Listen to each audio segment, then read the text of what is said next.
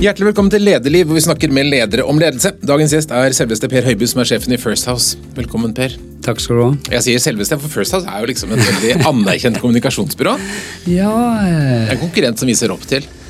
Ja, det er jo veldig hyggelig du sier. Eh, Vi, vi, eh, vi har jo hele tida strevd etter å bli anerkjent som, som en av de flinkeste. Det har vært hovedambisjonen vår, når, også tilbake altså fra vi starta selskapet. Så, så vi syns jo Så har vi blitt store også, da. Det tok vi ikke helt inn i, inn i, inn i regnestykket da. Eh, det, det tror jeg husker jeg en gang jeg sa at eh, vel eh, sammenligna oss med en av våre andre konkurrenter som hadde vel 50 ansatte flere enn oss, men bare en million mer på bunnlinja. Jeg sa eh, eh, blir ikke det mye stress og systemer hvis vi skal, skal bli så mange og, og, og, og bare tjene en million ekstra? det er ikke bare en million bare, altså, det er ikke det jeg mener, men, men, men skjønner poenget. Eh, det eh, Vi er nesten der nå. Hvor mange mennesker er dere? Vi er Det er en familie av selskaper nå, er det ikke det? jo, det er en familie av selskaper. Ja. Vi, vi, eh, vi, vi hadde jo en restrukturering her som vi starta for ja, det er vel to og et halvt år siden, som har ledet frem til å ha en mer kan du si, horisontal vekststrategi snarere enn en vertikal en. Fordi at jeg tenker med de tjenesteleveransene som vi har i First House innenfor politikk og næringslivskommunikasjon, så, som er de to inkludert finansiell kommunikasjon, da, hvor vi er veldig store, så, så, så er det jo en grense for hvor mye man kan vokse, tenker jeg. Så nå når vi taket, liksom. Det var liksom hovedtilnærmingen til å ha en sånn mer vertikal eh, Nei, horisontal Du kan, du kan få lov å skryte litt av dette. Du, det er First House, hva heter de andre selskapene? Vi har et bærekraftselskap som da heter det klingende navnet Sustainability. Og så har vi AI-selskapet vårt, hvor vi utvikler en digital First House-analytiker. Ja. Veldig spennende og gøy prosjekt. Ja. Eh, håper at vi får en lansering av det produktet neste år, sånn medium neste år. eh, også ute i markedet. Eh, så har vi eh, Hekt, et eh, datadrevet kommunikasjon, altså innholdsproduksjon og, og, og alt som hører med det. Markom, vil noen si. Mm. Så har vi et helt tradisjonelt, klassisk management consulting-byrå som heter Vektor Consulting. Og så har vi da også Scanspor, som driver med sportsmanagement. Ja. God, god gjeng. God gjeng. Og i sum, hvor mange mennesker blir det? Nei, vi er vel eh, nå, tror jeg siste telling var omtrent 80. Fantastisk. Men da First House startet... Og halvparten i First House. Ja, ja, men Drøyt. Dere startet i 2010 First House, og dere ble veldig kjent veldig fort for dere rekrutterte profilerte personer. sånn, Men fortell litt om bakgrunnen. Hva var ideen bak First House? Ideen eh, bak First House ble unnfanga på eh, Bølgen og Moi på Briskeby. eh, I januar eh, ja, to, ja, eh, rett før eller etter jul eh, var, var det ja, kanskje fra 2008-2009, rundt årsskiftet 8 til 9. Da spiste jeg frokost med Bjørn Rikard Johansen og en tredje person. Og vi diskuterte bransjen og alt sånt. Vi var bare bekjente, og det var ikke noe hensikt med frokosten. Og så sa jeg det, det hadde vært kult å hatt et byrå à la JKL, som jeg da var sjef i Oslo for, og partner i det systemet der, som JKL sitt Stockholmskontor. For det var jo helt fantastisk bra, med en innflytelse og impact. og Det var jo liksom på nivå med McKinsey i, i, i, eh, i Stockholm og Sverige. Um, for et sånt byrå har vi egentlig ikke i Norge. Um, uh, ja, så diskuterte vi litt det, og så, så sa jeg noe sånt som at vel, det viktigste er jo at vi får med oss folk som passer inn i det bildet der. Tenkte ikke noe mer på saken før eh, allerede nevnte Bjørn Rikard Johansen ringte meg høsten eh, høsten eh, 2009, kanskje? 2010. Mm. To, eh, 2009, 2000 Ja. Guri land, ja. Jeg begynner å bli en gammel Ja, ja, ja. så Nei, høsten 2000, august 2009 og spurt ja, nå tror jeg jeg har samla sammen noen folk, så skal vi starte dette selskapet, og er du med? Eh, ja. Eh, Jeg syns jo det var kjempegøy av hva han hadde fått til, og, og alt sånt. Så av folk eh, Jan Erik Larsen, Bjørn Håkon Hansen, Tor Mikkel Wara var nevnt, Ketil Linseth. eh, Og så Leif Monsen, som er jo kanskje kommunikasjonsbransjens grand old man. og Kommunikasjonsbransjens svar på Ole Lund, pleier jeg å si. Eh, eh, med flere. så, så. Så sa jeg til slutt ja, da. Mm. Det var også en pussig historie. det. Og så ble dere jo veldig fort kjent. altså Det fikk veldig oppmerksomhet. Det var kanskje spesielt av Bjarne Håkon Hansen? Ja. Det var veldig mye uh, pga. Bjarne Håkon Hansen. Uh, det var jo spørsmålet skal han fortsette, og skal han ikke fortsette, hva han hadde sagt og ikke sagt osv. Uh, det er jo ikke for noen av oss til å dømme hva som er blitt sagt mellom han og da værende statsminister Jens Stoltenberg. Det vil jeg heller ikke spekulere i. Men, men, men uansett så ble han med. Og det var kjempebra. Og så fikk jo du der den store diskusjonen rundt overgangen mellom politikk og næringsliv, og, og som vi kjenner så vel. og mye kritikk, og så det, kom jo diskusjonen rundt kundelister og og alt sånt. Så det ble mye skriverier rundt oss. Og så, så må jeg jo innrømme at vi sjøl gjorde en del dumme ting også. men, men, samtidig så ble det jo Dere ble veldig kjent veldig tidlig, og man opplevde jo First House som litt sånn mystisk, skummelt, spennende, som dere kanskje fikk en god del uttelling på i markedet også? Eh, definitivt. Altså, Vi har jo flere eksempler på, på det. Jeg husker jo f.eks. når, når eh, det var jo disse middagene, byråmiddagene, og noen av de påsto at de var organisert for å sette en stopper for First House. Mm. Vi ble jo invitert inn etter hvert. DN hadde jo en sak om oss også som en sånn tradisjonell lørdagssak som heter Villa Paradisio eller noe sånt, mm. hvor, hvor hvor, vi, hvor de stilte spørsmål til samtlige partnere, og vi svarte samtlige partnere på akkurat samme tid. Litt, litt morsom greie, det. Men, men, men ja, og så hadde vi jo stortingspresidenten som sa at vi var en trussel for demokratiet. Jagland fulgte opp det seinere. Vi ble jo så myteomspunnet at alt vi gjorde ble kommentert og alle hadde meninger om. og så Det var jo, jeg må jeg bare si, ei krevende tid. med, med, var jo jobbing døgnet rundt. Av og til var det litt sånn som å, å stå i drittauet og var snakke om hvor langt ned i han sto. Men, men jeg syns vi var veldig veldig standhaftige. Og, og, til de spørsmålene om vi tjente noe på det, ja definitivt. Og du, du, du kan jo si det sånn at det, vi, vi, hadde jo en fin vekst hvert eneste år. Så er jo spørsmålet hadde vært, veksten vært større hvis vi ikke hadde eh, fått den oppmerksomheten, eller hadde den vært lavere?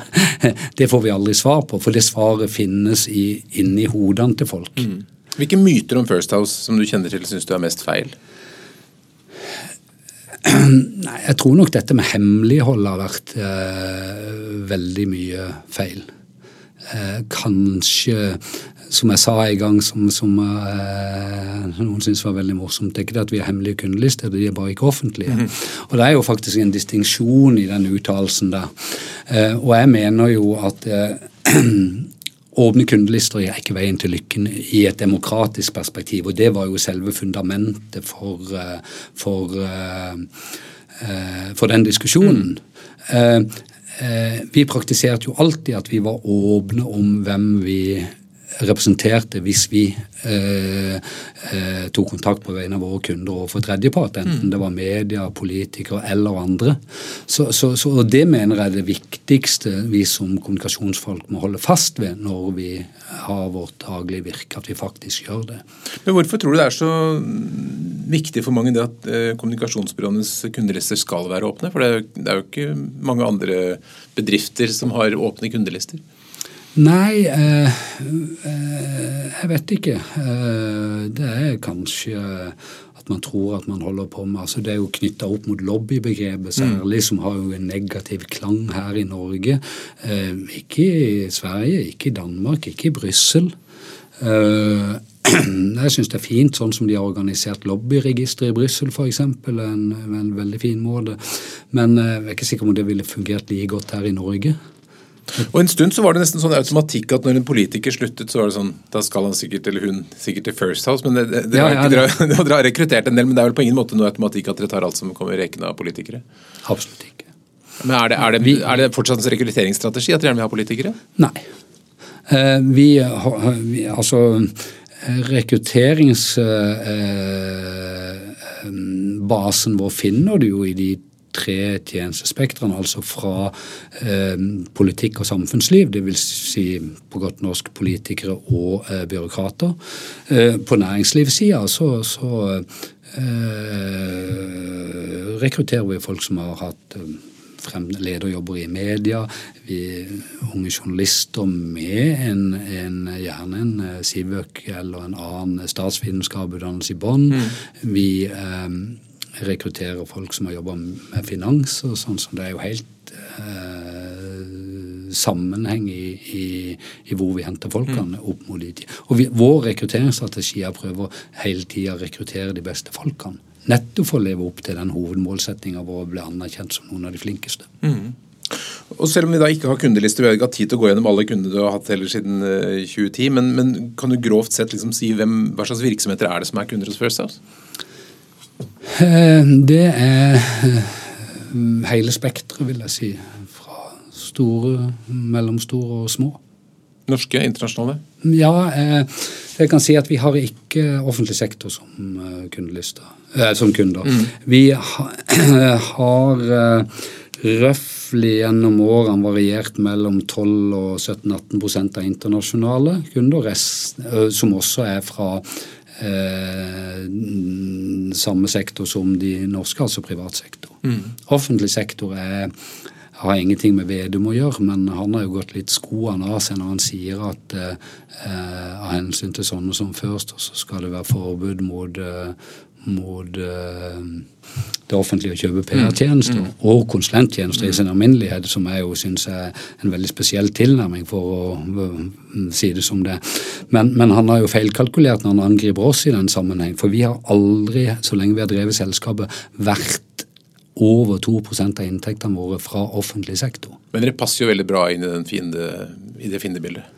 Ja ja, det, det er nå hans eh, valg, det. Men eh, passer, passer, godt inn i, inn i, retorikken som litt sånn skummel aktør. Men hvordan ser en vanlig arbeidsdag i First House ut? Eh, det kommer an på hvem du spør. det mm -hmm. naturligvis. Spør du meg, så løper jeg fra møte til møte og, og eh, styrer med både First og selskaper jobber med kunder sjøl. Eh, så det er jo en hektisk hverdag. Det vet jo du òg litt mhm. om. at denne, eh, Det karrierevalget vi har tatt, det handler jo Det er jo mer limet en livsstil som en mhm. jobb. Mm, Eh, Iallfall for oss som, som, som, som, styrer butikker og sånt. og det Eh, men det er, vi går hver dag på jobb for å gjøre det beste vi kan for kundene våre. Vi vil at kundene våre skal lykkes. Men folk er jo særlig opptatt av dette med den politiske påvirkningen. Hvordan, hvordan, skjer det i praksis? Nei, Den politiske påvirkningen det er jo også på sett og vis spørsmål litt om en myte. Det med mm. hemmelighold er jo én. Den andre er jo det at vi løper på storting og påvirker politikere for å få til det ene og det andre. Det er ikke veldig ofte vi eh, gjør eh, det på vegne av en kunde. Og hvis vi gjør det, så sier vi hvem vi er, hvem vi representerer og i hvilken hensikt. Hvis vi mot formodning gjør det. Kanskje du kan telle på to hender de gangene vi har og vi er full åpenhet om det, og har ingen, ingen problemer med å svare for det. Men, men, eh, men, det vi gjør, vi gjør jo aller mest det å sette kundene våre i stand til, til å ha en eh, fornuftig dialog med, eh, med, politikere eller andre rammesettere for nettopp å, å, å, å, på best mulig måte snakke sin sak. Mm. Og da handler det jo om å forstå politikken. Politikken er jo veldig på sett og vis irrasjonell sånn sett fra utsida for oss som ikke er politikere. Mens han er veldig rasjonell på innsida, som, som det er mange andre steder òg. Mm. Og hvor mange altså hvis, hvis, den, hvis, hvis, du vil ta et eksempel, hvis du kommer noen til deg og sier vi gjerne påvirke en lov eller en, en forskrift, hvordan, man, hvordan, gjør man det? Nei, Det er først og fremst å, å finne ut av hvor i prosessen står saken. Jeg syns veldig mange tegner opp sånne svære interessentkart og sånne ting. Du må finne beslutningsveien. Og på hvert beslutningspunkt finne ut hvem er det som har en saying i, i det beslutningspunktet. Um, uh, og, um, og da så må du jo uh, legge en plan for hvordan du best mulig skal da få sagt hva du mener om mm. saken. Og det handler om å lage, formulere budskapet på en god måte? Formulere budskapet. Egentlig handler det jo om uh, hva du sier til hvem når. Enkelt og greit. Ja. Egentlig kommunikasjonsbransjen oppsummert i én setning. Hva sier du til hvem når? Veldig bra. Uh, veien din til uh, den jobben den startet et helt annet sted. Det var vel Forsvaret som egentlig var din første karriere? Ja. Sjøkrigsskolen? Ja. Hvorfor det? Nei, det er vel Det var en nabo som spurte meg en gang jeg kom hjem fra trening, og hva skal du gjøre nå, Per? Altså sånn på vårparten i tredje gym, og så sier han nei, jeg skal i militæret. Og den naboen sier til meg vent litt, og så kommer han ut med en gul konvolutt, og der i, den inneholdt søknadspapirene til Sjøkrigsskolen. Okay. han var gammel marineoffiser ja, altså. drev et svært oljeserviceselskap på Sørlandet. Eh, flott fyr. Eh, som dessverre er gått bort. Men eh, han sa til meg at eh, søk her. jeg kan garantere deg at du det første året ditt, som også teller da som førstegangstjenesten, vil være mye mer interessant enn en helt mer tilfeldig førstegangstjeneste. Så det gjorde jeg. Og det var det. eh, og det var det. Det var kjempegøy. Mm. Og så, eh, og så eh, eh, Ja, så var jeg så heldig å komme inn, da. Og så på den naturlinja, eller det som er logistikklinja i dag. og og jeg sa sågar på, på opptaksintervjuet som, eh, at, at, jeg begynte ikke i militæret for å gjøre en militær karriere. Eh, fordi at den linja jeg gikk på, hadde jo egentlig samme utdannelse, var samme utdannelse som Handelshøyskolen rett over ja. fjorden. Mm. Eh, bare litt annen fagsammensetning og litt mindre markedsføring, men til gjengjeld mer ledelse og sånt. Så, så, så, så, så, eh, så jeg sa det, men kom inn allikevel. Men så ble jeg jo i nesten 25 år, bare et par måneder eh, så nær på det. Og grunnen til det var denne fantastiske eh, mulighetene til å få stort ansvar, mye personalansvar og mye økonomiansvar i veldig ung alder. Mm. Eh, og fikk masse flotte jobber i, i, i militæret. Masse flotte folk. Eh, eh, som er jo samtidig, når vi ser på det som smetter inn at når vi ser på det som skjer i Forsvaret i dag, så er jeg jo ikke like imponert. Eh, over systemet. Det er fortsatt de samme flinke folkene som jobber der, men som system så syns jeg Forsvaret er blitt uh, dårligere, mm. rett og slett. Men, men, men, uh, men, du, det, men, i den lange karrieren, hva, var dine høydepunkter? Hva liksom var det beste du opplevde de mange årene i Forsvaret? Jeg har jo hatt uh, veldig ja, Nei, det, Jeg syns det har vært mange høydepunkter, egentlig. Men jeg har jo hatt gøye jobber. Jeg har vært økonomisjef i Forsvars overkommando. Bygde opp en økonomiavdeling der med ansvar for selve driften av, av hovedkvarteret og en rekke utenlandsavdelinger både på økonomi- og logistikksida. Eh, når jeg kom dit, så var det ikke en eneste datamaskin. Det vil si det var én, den sto i kassa si fortsatt. Så det var jo en, en voldsom utvikling der. Det var gøy. Um, hadde ei tiår i den perioden, var også tre år som adjutant for kongen. Fantastisk uh, tre år. Um, og så uh, er du jo så heldig at du får gå et år på skole, da, på sånn stabsskole, og det er jo uh, veldig lærerikt. Den, der tenkte jeg ok, det er et nødvendig onde, men samtidig så, så, så, bestemte jeg meg for når jeg først skulle gå at dette må jeg gjøre noe ut av. Mm. Uh, så gjorde jeg det, og så uh, etter det ble jeg pressetalsmann uh, for forsvarssjefen og leder, kan du si, mediehåndteringsgreiene i Forsvaret. Det var jo utrolig lærerikt eh, i den forstand at jeg var jo bare en helt vanlig eh, mann som hadde vanlige interesser for det som skjer i samfunnet. Hadde aldri hatt en mikrofon i ansiktet. Sikkert snakka med en journalist etter en håndballkamp når jeg var, var 16-17, der omkring. Men, men, men eh, men det var veldig lærerikt. Også fordi at ti dager etter jeg begynte i den jobben, så skjedde Kursk-ulykken. Den forferdelige ulykken hvor 118 russiske eh, marinegaster omkom om bord i den ubåten. Eh, og det, Der ble jo Norge et slags vindu mot verden, og det var mye rundt det med atomreaktor og alt mulig sånt. Det var det var uh, utrolig lærerikt, vil jeg mm. Vi må snakke litt om ledelse, men før det, du, du, var jo da heldig og fikk være tett på kong Harald i noen år. Hva lærte du av han? Jeg lærte eh, noe som jeg syns mange av de som er i den kongelige familien er veldig flinke til. Det er den ekstreme tilstedeværelsen når du møter folk. Pluss at han er jo så kunnskapsrik at mm. Hvordan, hvordan, hvordan, lærer man det? Altså, hva, er trikset, hvis du kan si noe sånt?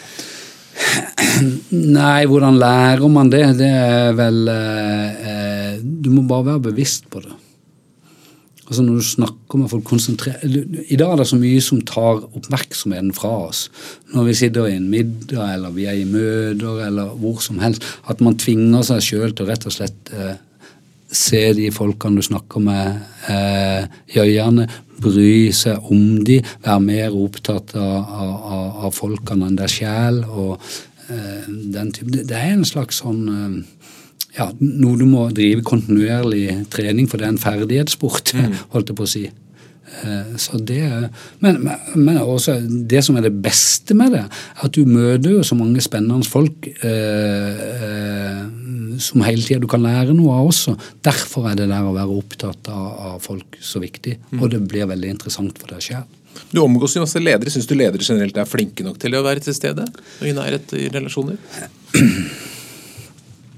Eh,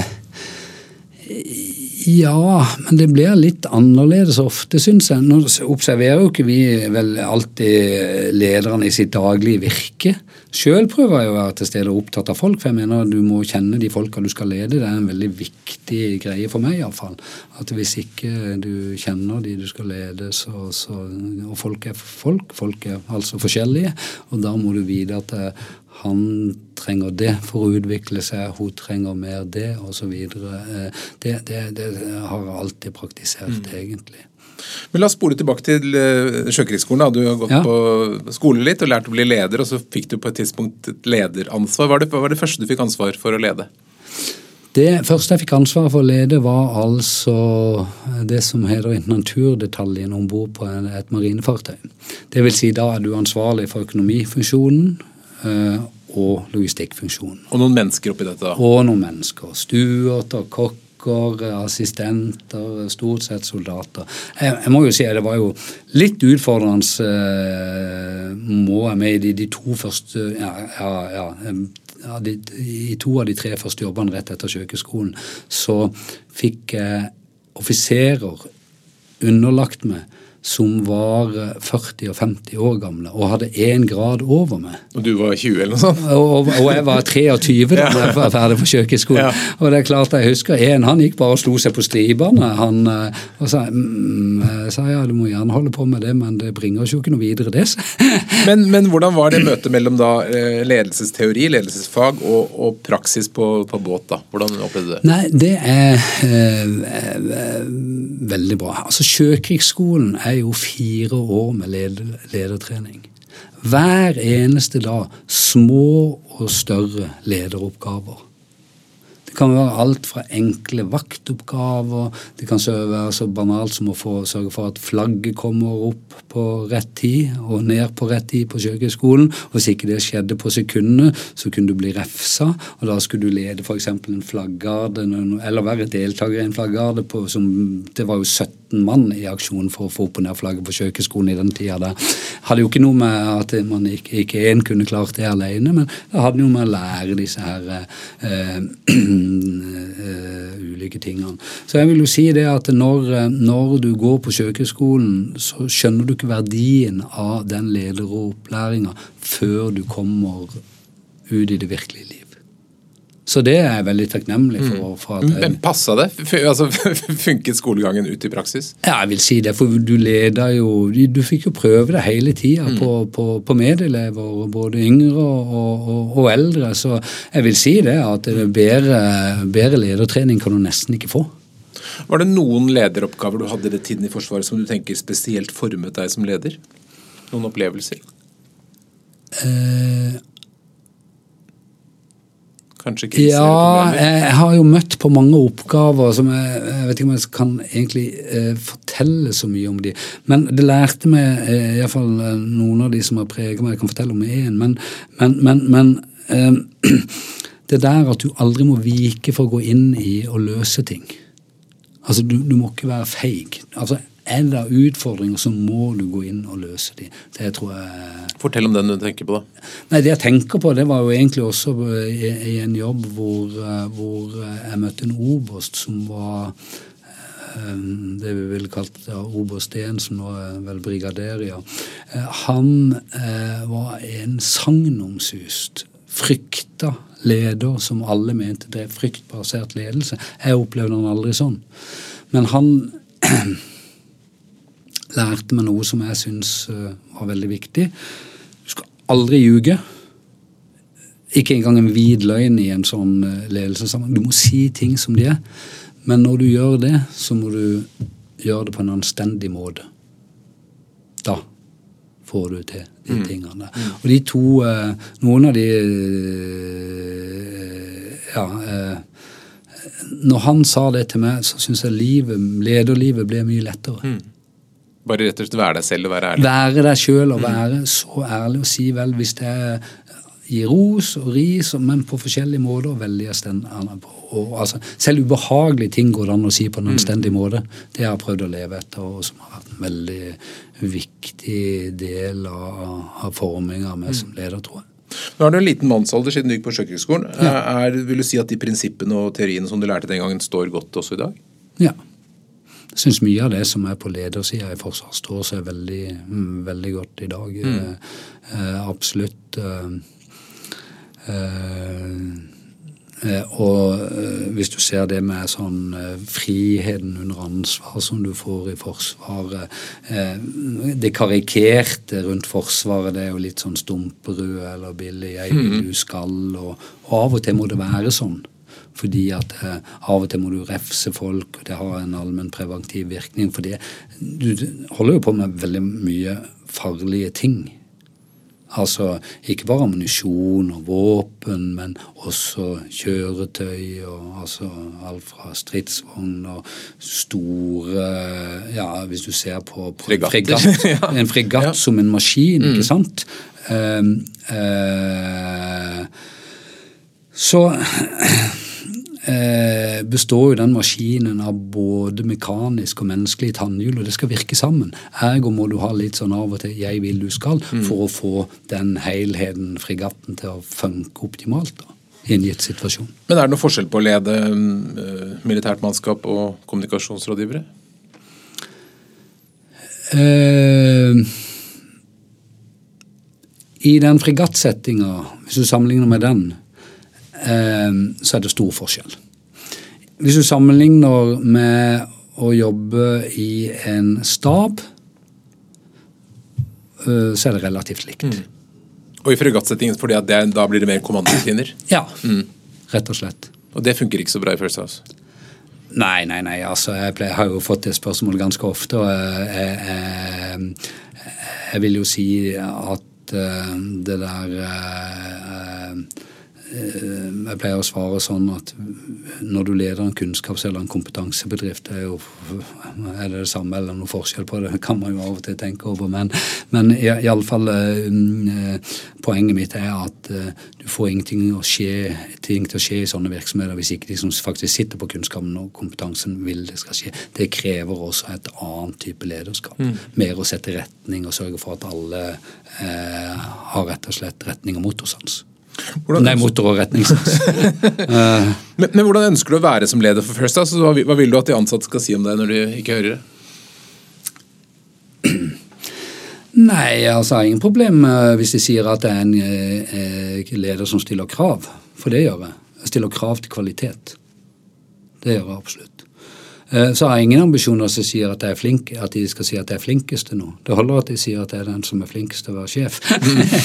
ja, så du ønsker ikke å være bedre enn alle? Nei, nei absolutt ikke. Nei, uh, nei da, uh, da det gjelder å, å Nei, og som gir frihet og, og under ansvar til å løse de oppgavene vi har kontinuerlig. Å kjøre detaljstyring på en sånn virksomhet eller stort byråkrati, det vil være helt meningsløst. altså. Du må stimulere folk. Gir du folk ansvar, så tar de ansvar. Er folk informert, så tar de ansvar. Så, så, så, så det er nok mer der det er opptatt av. Mm. Men de må som sagt gjerne si at jeg stiller krav. Du sa du setter retning. Hvordan gjør du det? Bruker du visjon og verdier? Hvordan jobber du for å sette retningen for kollegene? Eh, Nei, Holder det med bonusmål? Nei, eh, bonus det, vi, vi, har veldig fornuftige bonusordninger. Så det er ikke det som skal være driveren. Vi har heller mer eh, høyere fastlønn enn en, en bonus. Jeg vil ikke ha jeg vil ikke ha noen bonusordninger som trekker fo fokuset vekk fra, uh, fra, fra, det som er det beste for kundene våre, altså kvalitet, uh, og ned i folks lommebøker det, da gjør du det. Det hadde vi delvis i JKL når jeg jobba der, og det syns jeg var en uting. Og veldig forstyrrende nettopp i et sånt kvalitetsperspektiv. Um, uh, uh, uh, Nei, du, du, du, må ikke komplisere disse tingene for mye. Vi kjører veldig enkle prosesser, eh, strategiske prosesser, sånn at vi, vi, vi er veldig opportunistiske. Vi vurderer alle flinke folk. Vi, vi eh, vi, vi, har veldig strenge regler på hvilke kunder vi påtar oss og sånt, og har et eget utvalg som hvem som helst kan anmelde hva som helst hvis de mener det er utenfor rammene av det vi bør holde på med, ut fra kommersielle, eh, omdømmemessige eller etiske eh, grunner. Eh, veldig nøye på det. Eh, eh, eh, og vi har enkle økonomiske mål som vi ikke snakker så mye om i det daglige. Vi rapporterer jo hvordan vi ligger an, men vi har ikke liksom sånn at vi i år skal vi sånn eller sånn, selv om vi har ambisjoner. Men det er først og fremst å se uh, hvor er det vi uh, kan utvikle oss. Mm. Altså hvilke sektorer eller hvilke bransjer er det vi eventuelt er svake i og bør bli mer, uh, bedre på. og sånn. Så, så jeg tror alle vet Eh, det der med at vi skal bli anerkjent for å være flinkest, det er den viktigste retninga å sette. For den gir premisset for så mye annet mm. Eh, i, i, i, i, selskapet. Og så er det sånn at det første uka jeg var på jobb i First House jeg eh, begynte jo litt etter de andre, fordi vi satte jo selskapet i drift 4.1.2010.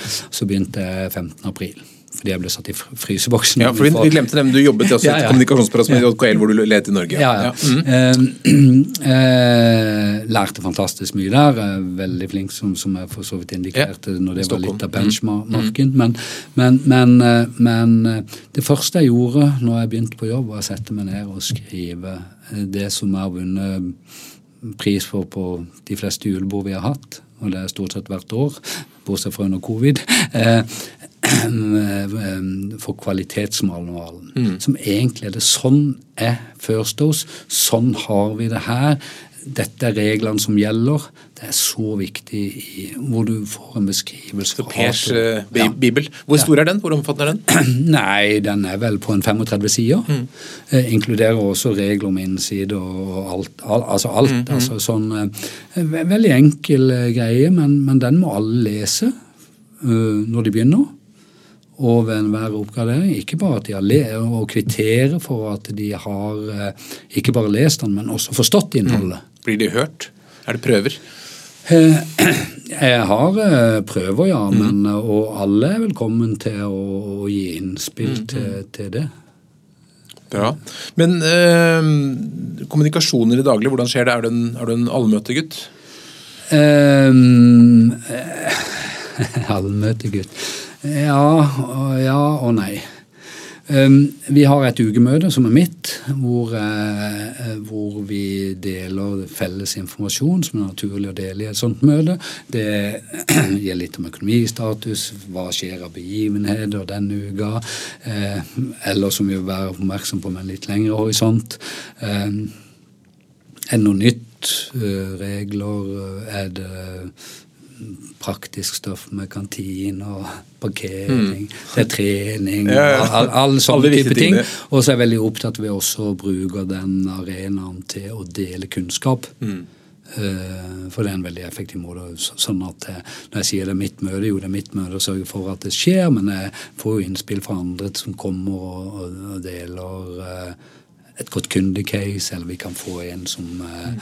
som snakker om cybersecurity, mm, mm. eller krigen i Ukraina og det mer sikkerhetspolitiske. Altså alle sånne ting. Men som er aktuelle. Så det er liksom allmøtet vårt. Det har vi en gang i uka. Og så er jeg nok eh, veldig opptatt av å bruke eh, altså svare mailer ved personlige fremmøte. Mm, du vet jo, du kan få mail av naboen, ikke sant? Mm. Så, eh, eller noen som sitter i andre enden. Så, så, går jeg heller og svarer på mailen muntlig snarere enn å sette meg ned og skrive et utfyllende svar. Så får jeg der samtidig litt sånn øh, følelse med hva er den enkelte ja, mm. har det, eh, jobber med, og alle disse tingene. Jobber du mye? Ja, jeg tror nok de fleste vil si det at jeg jobber mye. Eh, nå, nå er jeg jo i den situasjonen at jeg er tidlig på jobb, normalt sett. Eh, og i den situasjonen at jeg har en hund hjemme, og kona mi eh, bor og jobber i Brussel i mm. ukene. Mm. Det betyr at jeg må hjem da senest halv fem for å gå tur med bikkja. Så, Men det betyr jo ikke at jeg slutter arbeidsdagen for det. Eh, så eh, i, i, i, går holdt jeg på med noe f.eks. til midnatt. Mm. Ja. Men Du nevnte at eh, dere vil være de beste av best kvalitet. og Det er jo ikke alle som begynner hos dere som er de beste, eller kanskje så bra som man tror når de begynner. Hvordan håndterer du medarbeidere som ikke leverer så bra som du ønsker? Uh, uh, ja, da, da, Det kan du jo se på, for, på forskjellige eh, måter. For du kan jo eh, ha den situasjonen at du får en medarbeider som vi faktisk har bomma med. Altså som ikke var den vi trodde. Mm. Noen sånne eksempler opp gjennom tida har vi hatt. Ikke mange, vil jeg si.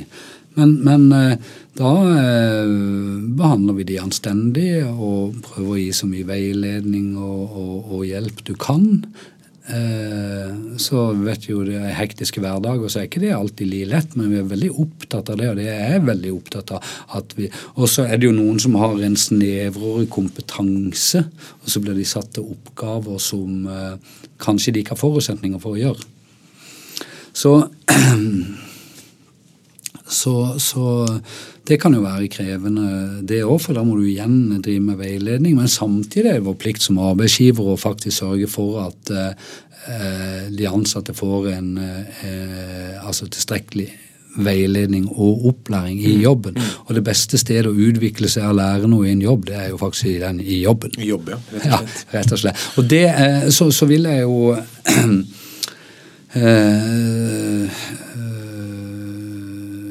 nok si at uh, mange av, av, de yngste som, har, som har begrensa arbeidserfaring, har vi jo et større ansvar for.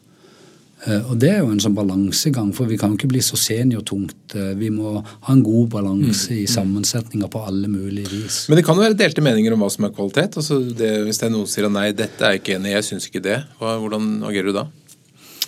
Nei eh, Eh, det kan det være, men der er det først og fremst de kundeansvarlige som har eh, hovedansvaret mm. til å avdømme det. Mm. Rett og slett. Av og til er jo jeg inne også i sånne sammenhenger, selvfølgelig, men, men eh, heldigvis ikke så ofte, vil jeg si.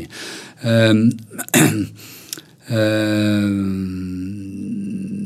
og det å bruke kundeteam og sånt for å drive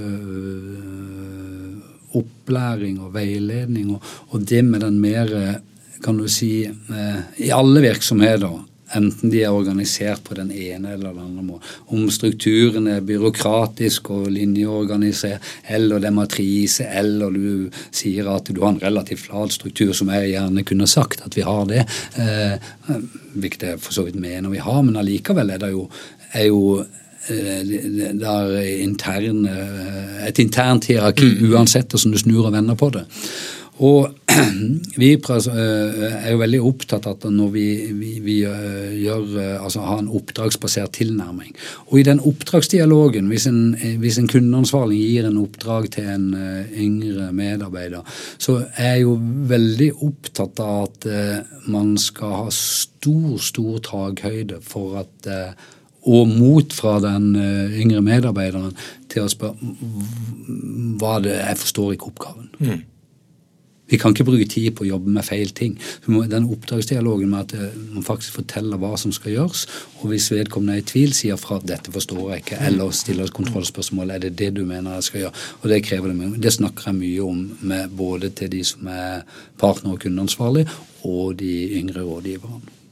Nå er du en, en voksen, erfaren og trygg leder, men likevel så er det jo noen ting man kanskje kan gruble på? er det noen dilemmaer du føler på, eller som du tenker mye på som i forhold til lederoppgaven? Eh, jeg tenker veldig mye på nå som vi har vokst så mye, hva er den smarteste måten å organisere oss på.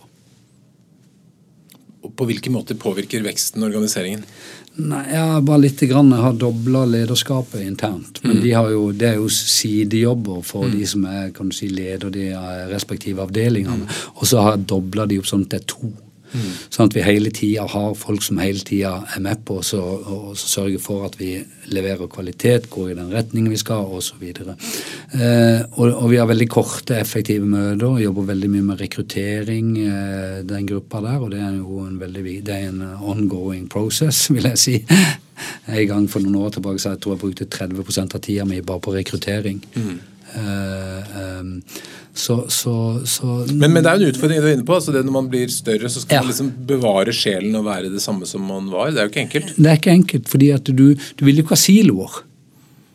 Her skal det jo være så sømløst og på tvers, og, og den viktigste organisasjonsenheten for oss er jo kundeteamene, mm. ikke avdelingene. Mm. Avdelingen skal sørge for en faglig eh, si, utvikling og oppdatering og eh, den type ting, men, mens det er jo i kundeteamene du leverer eh, kvalitet til kundene, som igjen gir grunnlag for å kunne få, få mer salg. Mm. Ehm, så det er den viktigste organisasjonsenheten. Og da må det være så sømløst også at vi blir, blitt, blir enda flinkere nå til å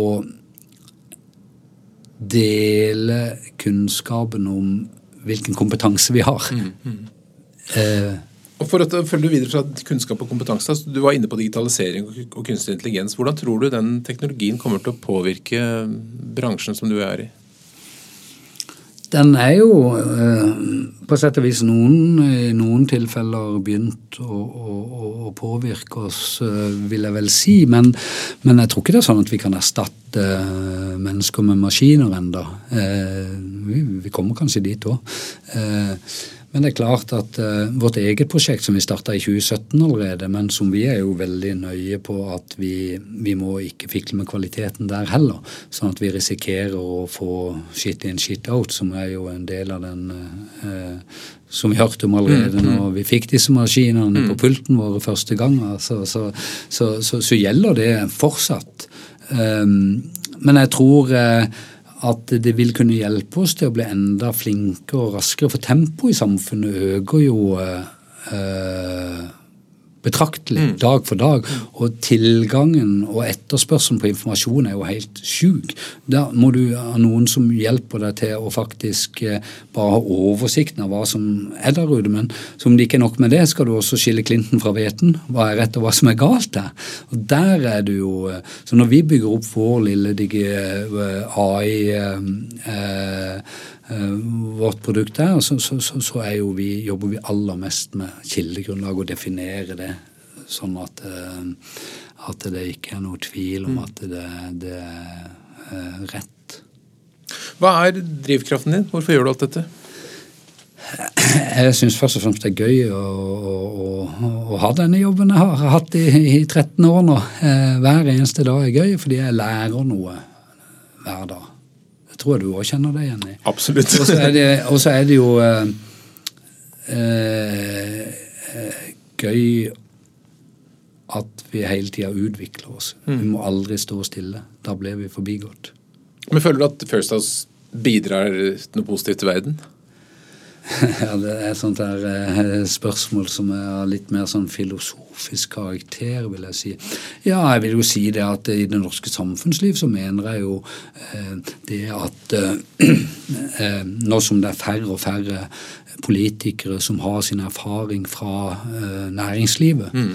så er det jo klart det, Og det er færre og færre eller, eller er stadig ledere i næringslivet som ikke kan nok om politikk, mm, fordi man skifter jobber osv. Ja, ja. Derfor så syns jeg det der å, å liksom få en bygge bro mellom politikken og næringslivet, syns jeg faktisk Jeg skal ikke si, men, men det, det, bidrar positivt. Og der har jo du markert deg inn i historien, for du var med å etablere Arendalsuka. si litt om hvordan det skjedde. Nei, Det skjedde at når jeg jobba i det svenske allerede nevnte JKL, så var jeg jo partner der og var i Stockholm minst en gang i uka. Eh, eh, og da så jeg at det var to ting som de snakka om når det begynte å dra seg mot ferietid. Det ene var hvordan de skulle komme seg til, til, til Visby skulle de seile, skulle de fly, og hvor skulle de bo? Det var en slags sånn entusiasme rundt Almedalsvekkan som var liksom eh, og I begynnelsen ante ikke jeg hva det gikk i, eh, men det skjønte jeg jo etter hvert. Og så hadde de jo en tilsvarende greie i Båstad i forbindelse med mm. tennisturneringer som er mer næringsliv slash politikk, mens Almedalsvekkan er politikk slash næringsliv. Eh, nei, så kom jeg bare på det i, i 2008 at Jøss, noe sånt har vi ikke i Norge. Så dro jeg opp et sånt, så begynte jeg å lese om Almedalsrekka, noen forutsetninger for Båstad og sånt, og så lagde jeg på en sånn der uh, trøtt powerpoint et lite konsept hvor første plansjen var et bilde av Olof Palme når han sto bak på den lasteplana i Visby og holdt den berømte talen sin. Og så uh, um, For det lagde grunnlaget for Almedalsrekka for de som ikke kjenner historien? Ja. Uh, ja. Um, og så eh, begynte jeg å tenke litt ja, hvor bør det være. Det bør være kanskje der folk er nærmest sånn i begynnelsen av ferien eller etterkant av ferien. og sånt. Så begynte jeg å tenke ja, kanskje Arendal kunne være et eh, sted fordi at det er en så fin scene. Og eh, alle som er sørlendinger, vet jo rivaliseringa mellom Kristiansand og Arendal. Ja, for jeg skulle tro du ble veldig uglesett som Kristiansand. Ja, ja, ja, det spørsmålet mange ganger. Men det er bare det at jeg tenkte i Kristiansand ville et sånt arrangement smuldre vekk. Mm rett og slett. For de har ikke den eh, tettheten som var tettheten og intimiteten og sånn. Så da gikk jeg til Kai Krüger Henriksen, som da var kommunikasjonsdirektør i Veidekke, og som jeg kjente, og, eh, og som var, var fra Arendal litt. Mm, mm, mm. Og så spurte jeg han eh, øh, hva syns du om denne ideen? Ja, det var knagende kjekt. Nei, jeg synes det var gøy. Så tok han litt sånn forpostfekninger der nede, og så hadde vi noen møter og så litt sånn med næringslivet der nede om hva de syns. og Så kom vi inn et møte med kommunen og en ordfører da som var der, tilbake i 2009, var vel det. og eller var det 2010? Mm. Ja, muligens. Men eh, konseptet ble lagd i 2008, og jeg nevnte også møtte Øystein Djupedal på min vei der, og han, eh, han eh, ble jo utnevnt til fylkesmann der. og var også sammen med de tre som var de første medlemmene av programkomiteen. Mm. Nemlig eh, Leif Monsen fra Førstad, som også bodde i Arendal. Mm. Som der, der tok et uh, ansvar der. Eh, Kai, eh, eh, altså han Gauslo fra, fra, fra Agderposten. Stein Gauslo. Mm. Eh, og eh, Øystein Djupedal var de mm. første medlemmer. Og de gjorde jo en fenomenal jobb eh, i forberedelsene til, til, til, den første Arendalsuka som da skulle arrangeres i, i 2011. 2011 ja. Men så kom jo dessverre Utøya, og da ble Arendals forferdelig, som vi alle vet. og da ble den uka naturligvis kansellert, og så arrangerte man første gang i 2012 igjen. da. Mm. Jeg, det, jeg, så jeg hadde jo egentlig bare ideen. Uh, det er ikke så verst det heller, da. Nei, nei, nei, nei, det kan du si. Men, men, men, eh, så vet jeg jo at uh, at han godeste Øystein Djupland prøver å si det var hans uh, greie. Uh, uh, det er ikke rett. Det kan vi jo holdt på å si analysere og føre bevis mm. på, men han var jo på Stortinget mm. fortsatt når den ideen var unnfanget. Tenk at det er en anerkjennelse alle prøver å ta æren for det, så er det fordi det er bra. Det, er, jo, det er jo bra, det, altså. Så, men han gjorde også, i likhet med de to andre, mm. Stein Gauslo og Leif, gjorde en fantastisk jobb med å tilrettelegge program og sånt. Mm. Er du fornøyd med hvordan det har blitt? Ja, altså Nå var jeg jo der nede i år, som du, som du så vel vet. Mm. og Vi traff jo hverandre, og vi så jo begge det yrende folkelivet som var der eh, helt til og med torsdag ettermiddag. Så døde litt hen mot kvelden. Eh, litt rart, egentlig, for andre år har det vært motsatt. Så hvordan eh, Arendalsuka bærer av sted, eh, sånn eh, litt avhengig av partilederdebatten, så tenker du sånn ja, Litt vær og sånn også, tenker jeg. Så er litt vær, ja, selvfølgelig. Det er mye som spiller inn. Men at det er en folkefest, og eh, blitt veldig interessant, syns jeg er bra. Men jeg tror jo med det antallet arrangementer og, og jeg må jo si det, alle jeg var rundt og så på arrangementer, var stort sett veldig veldig godt besøkt. Mm. Det, det, det, var vel 2000 omtrent arrangement på programmet, tror jeg? Ja, det var ja. det. Så jeg tror jo de har en liten utfordring nå med å prøve å strukturere det opp eh, eh, litt grann på et vis. Hvordan de skal gjøre det, skal ikke jeg påta meg å si at jeg har noen løsning for, men at de må grundig tenke gjennom på både størrelsen og hvordan man kan effektivisere det litt som sånn at man ikke pulveriserer vekk The Beauty of Arendalsuka mm. ved å ha eh, 3000 arrangementer som skal betjenes av de samme som betjente 1000 arrangementer. Ikke sant? Men Det er et artig fenomen at alle i kommunikasjonsbransjen nå stort sett kan ha på alle restaurantene i Arendal. Det er jo en uh, artig bieffekt. Ja. Et lite sted som har blitt godt kjent for ja, veldig mange. Ja, ja. Jeg, jeg må jo si, og det sier jeg også internt, vi skal være veldig forsiktige med å ha egne arrangementer. da. Det skal være veldig gode grunner til at vi gjør det. Vi har en liten sånn sosial greie forut for partilederdebatten. Vi har samarbeid har to uh, samarbeid med, med, med, kunder det er fine, men, men å, å, gjøre noe stort Vi er jo egentlig ikke aktører i det perspektivet der. Det er jo de som virkelig driver Norge fremover, som må komme ut med sine budskap og dele kunnskap og erfaringer og, og, og syn på hvordan vi skal ta dette landet videre. Det er en god tanke. Det skal ikke bli en sånn kommunikasjonsbyråfestival. Eh, helt til slutt, Per Høiby. Eh, hvis det kommer en ung person til deg og vil bli leder, kanskje en eh, sønn eller datter eller andre, hva er de tre viktigste lederrådene du vil gi? Eh, punkt én. Vil du bli leder, så må du ta lederjobber. Høres litt rart ut, mm. men ofte eh, må de enkle tingene også mm. sies. Grip muligheten, rett og slett. Ja, ja det, det må du. Og du må like å være sammen med folk. Hvis du er en som egentlig liker, liker best å, å, å, å ha huet ditt inni et Excel-ark, eh, så skal du ikke gjøre det. Eller ha andre fortreffeligheter mm, mm. som ikke akkurat går i den. Eh, så det, Og så det aller viktigste, eh, vil jeg si, du må aldri være redd for å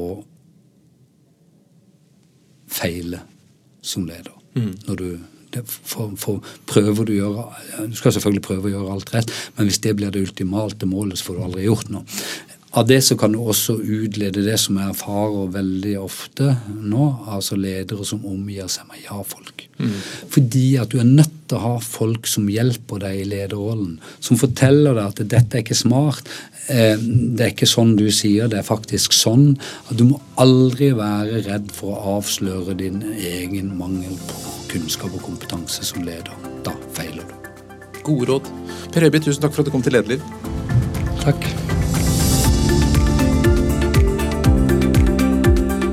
Lederliv er en podkast fra Apeland. Redaksjonen består av Ingrid Hogneland, Johanne Eidsvoll, Lars Jarle Melum og meg som heter Ole Kristian Apeland. Og du er hjertelig velkommen til å sende ros, ris, tips om ledere eller hva du måtte ønske til oleatapeland.no. Takk for at du lytter.